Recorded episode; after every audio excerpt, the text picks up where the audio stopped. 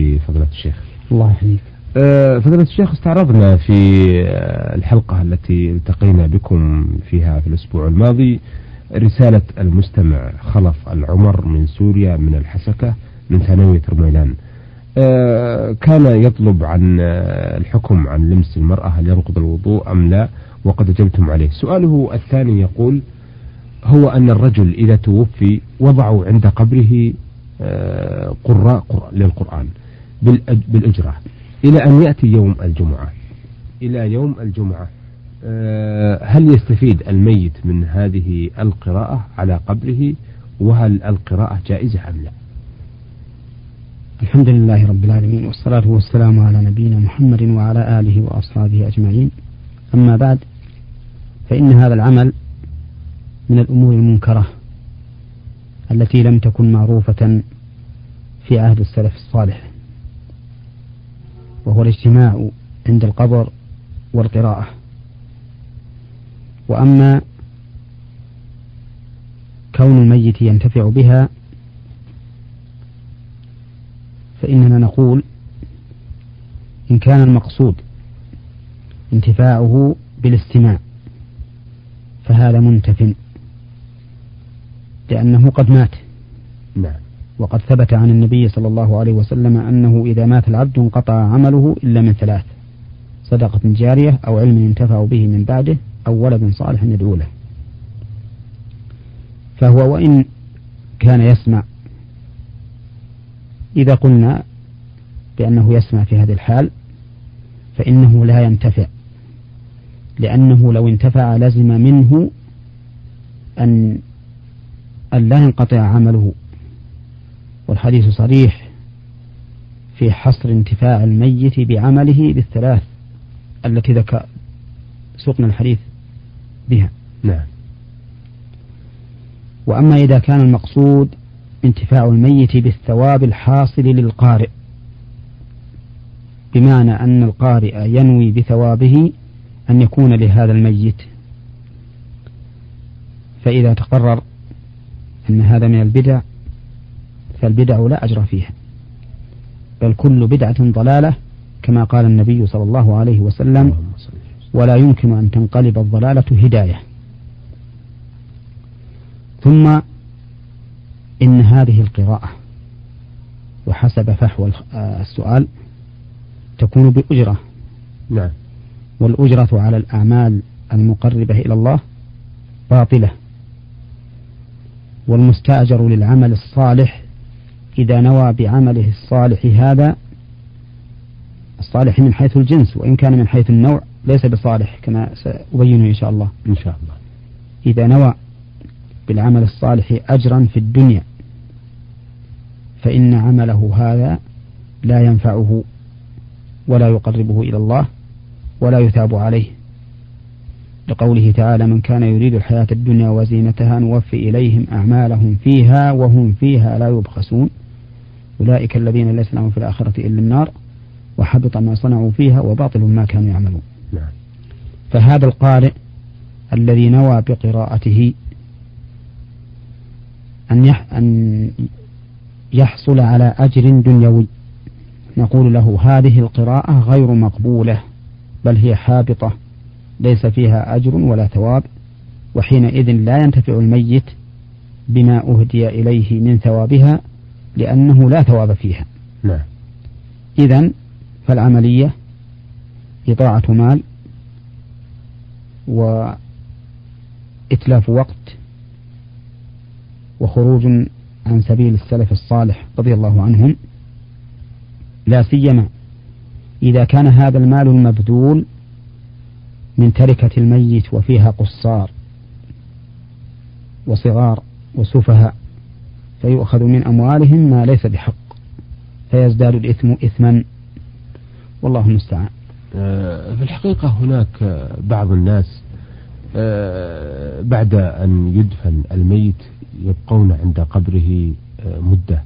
يستغفرون الله ويذكرون الله ويتكلمون أيضا مع الميت ويتمسكون بقصة عمرو بن العاص الذي طلب من مشيعيه أن يبقوا عند قبره مدة نحر جزور. نريد أيضا حكم هذا العمل. أما الوقوف عند القبر والاستغفار له وسؤال التثبيت للميت فهذا كان من هدي النبي صلى الله عليه وسلم. اللهم صل وسلم. أنه إذا فرغ من دفنه وقف عليه وقال استغفروا لأخيكم واسألوا له التثبيت فإنه الآن يسأل. وأما ما ذكر عن عمرو بن العاص رضي الله عنه فإن هذا من الأمور الاجتهادية التي يعتبر هدي غيره مخالفا لها. نعم. لأن ذلك لم يفعله أبو بكر ولا عمر ولا عثمان ولا علي فهو رضي الله عنه قال لعلي يقول لمن خاطبهم بالبقاء عنده أستأنس بكم حتى أراجع رسل ربي يعني الملائكة الذين يسألون الميت. نعم نعم. فهذا مجرد اجتهاد منه رضي الله عنه قد يوافق عليه وقد لا يوافق لكنه ليس على الصورة التي سأل عنها, عنها هذا السائل. نعم, نعم. آه أيضا يسأل آه، خلف العمر آه، عن القراءة أيضا. يقول هل صحيح أنه إذا ظلوا يقرؤون على قبره إلى يوم الجمعة فإن الجمعة تأقيه للأخ للأخرى إلى يوم القيامة ولم يعد يحاسب في القبر. هذا ليس بصحيح لأن أصل هذا العمل كما أسلفنا ليس من السنن بل هو من البدع والبدعة لا تفيد شيئا لا تقربا إلى الله ولا نتائج في الثواب والأجر. نعم, نعم. آه يقول في سؤاله الأخير إذا توفي الرجل فإن أهله يعطون صدقة قمحا أو دراهم ويدعون بأنها سقوط للصلاة.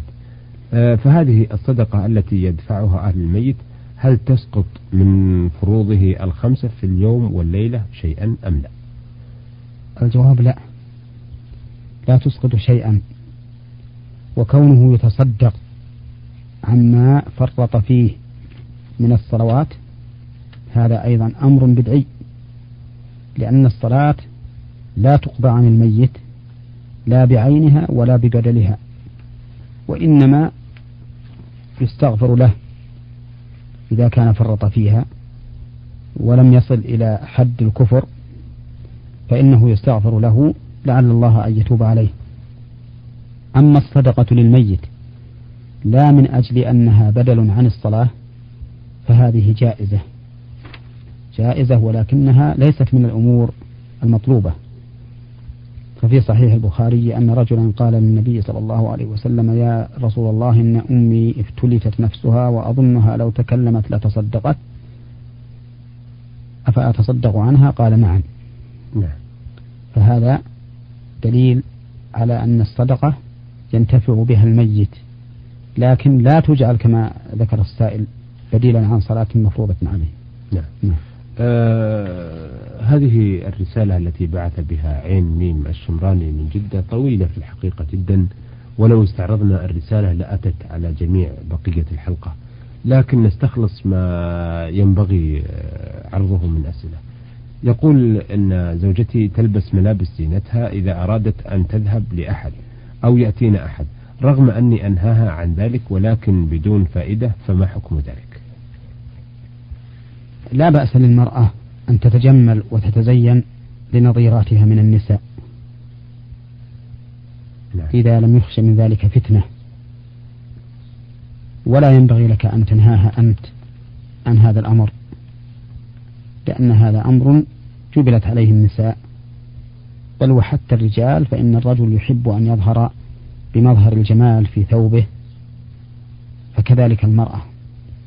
أما إن خشي الفتنة بذلك مثل أن يكون حولها من يشاهدها من الرجال أو يكون بعض النساء ينعتها لزوجها يعني المرأة تنعت هذه المرأة نعم. لزوجها نعم. أي لزوج المرأة الناعتة فهذا أيضا محظور مثل أن تقول مثلا زوجة فلان عليها كذا وعليها كذا وعليها كذا تنعتها لزوجها كأنما ينظر إليها فأما إذا لم يكن فيه محذور فليس لك حق في منعها من أن تتجمل بما جرت به العادة أمام صاحباتها.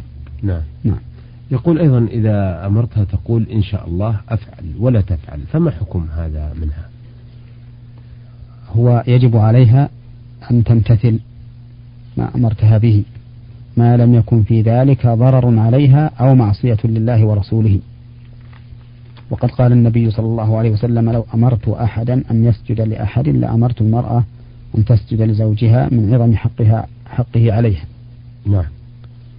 ولكن كما أشرنا سابقا بشرط أن لا يكون عليها ضرر في ذلك ولا معصية لله ورسوله. فإن كان في ذلك معصية لله ورسوله فلا يجوز لها أن توافقك. ولا يجوز لك أيضا أن تأمرها بذلك. وكذلك إذا كان عليها ضرر فإنه لا يجوز لأنه ليس من العشرة بالمعروف. نعم.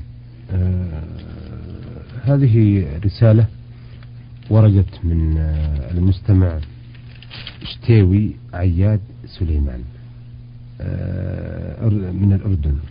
يقول في رسالته أرجو آه، عرض أو معرفة حكم الشريعة الإسلامية في إنسان تزوج من فتاة وقبل الزواج بشهر تقريبا اجتمع بها. وكانت في هذه آه، الحالة قبل زواجها آه، إنسانة خاطئة. وكذلك هو الآخر فأرجو معرفة حكم الشريعة الإسلامية. وهل يجوز أو يصح آه، زواجهم أم لا؟ ولكم جزيل الشكر.